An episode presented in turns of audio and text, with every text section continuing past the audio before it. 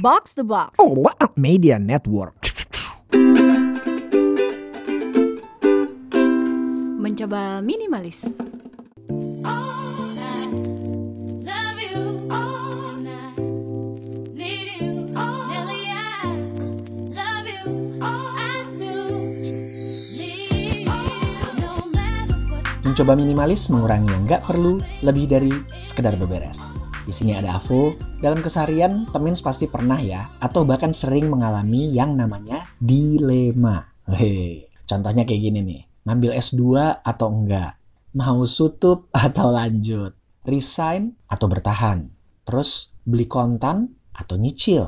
Lalu punya anak atau child free? Dan masih banyak lainnya. Hal-hal yang bikin Temins jadi dilematis itu biasanya karena beberapa faktor. Pertama, Temins cuma mau ambil yang terbaik dari opsi-opsi yang ada. Namun, Temins nggak mau nih terima resiko dari tiap opsi yang diambil. Kedua, Temins takut opsi yang diambil itu ternyata salah dan Temins yang akan disalahkan atau menyesal dan nyalahin diri sendiri.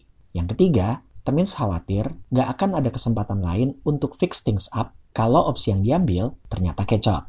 Orang-orang dilematis itu cenderung terlalu banyak ngabisin waktu buat mikir ketimbang taking action. Sementara untuk hal-hal yang sifatnya penting, besar, dan urgent, kayaknya bahaya juga ya kalau Temins tetap kekeh dengan kebiasaan tersebut. Nah, berikut ini step-step yang bisa diambil agar Temins bisa ngadepin dilema dengan lebih taktis. Pertama, remove emotion. Temins bisa latihan mindful dan akui saja bahwa kita ini basicnya punya kecenderungan untuk serakah, tamak, dan loba, serta tidak decisive.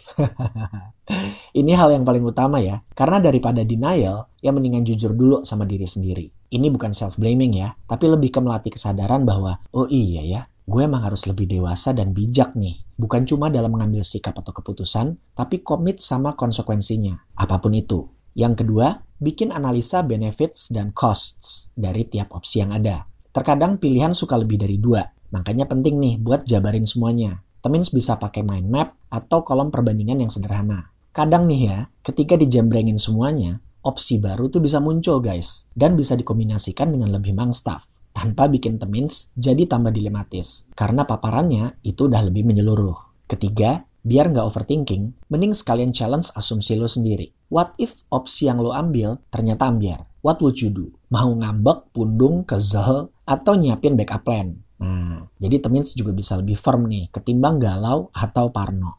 Yang keempat, bicara soal decision, sadari juga timeline masa berlakunya. Hal ini bukan cuma sekedar nentuin benar atau salah ya, karena keputusan yang mangstaf dalam jangka pendek itu belum tentu jos loh buat jangka panjang. Begitu pula dengan keputusan yang keliru di saat ini misalnya. Justru bisa trigger hal yang jos ke depannya. Kalau Temins misalnya decide untuk puasa nggak makan karbo selama sepekan, ya udah komit aja dulu selama tujuh hari tersebut. Nanti kan apa pun hasilnya bisa direview kembali. Yang terakhir, sempetin aja konsul atau asking for a second opinion ke orang yang tepat. Ini bukan cuma sekedar cari aliansi persetujuan ya, tapi justru ketika dapat orang yang bisa counter dengan insight-insight lain yang oke, okay, Temins malah bisa dapat asupan yang dapat melengkapi puzzle-nya atau menjawab dilema tersebut, walaupun mungkin nggak selalu perfect ya. All in all, terbuka aja sama masukan yang ada, tapi Temins harus tetap decisif pada akhirnya. Kalau Temins sudah biasa jalanin step-step yang tadi, biasanya akan ada kemungkinan-kemungkinan seperti ini.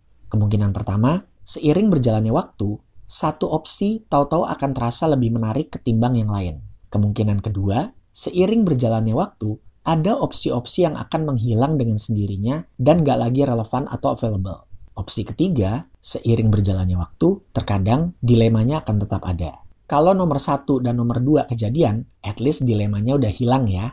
Kalau nomor tiga masih kejadian, setidaknya Temins bisa tetap mengambil keputusan yang jelas dan komit sama keputusan tersebut.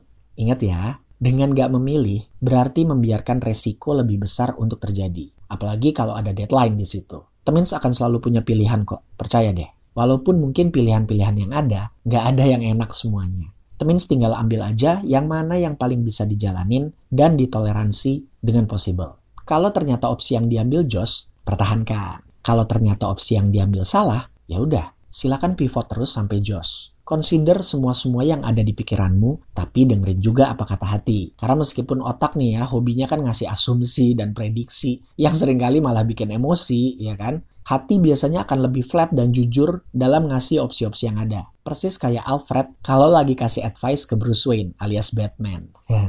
Itu tadi beberapa tips supaya temins nggak dilematis. Jangan lupa kasih review dan rate ya di Spotify-nya MM. Kita ketemu lagi di episode selanjutnya. Avo Chaps. Mencoba minimalis.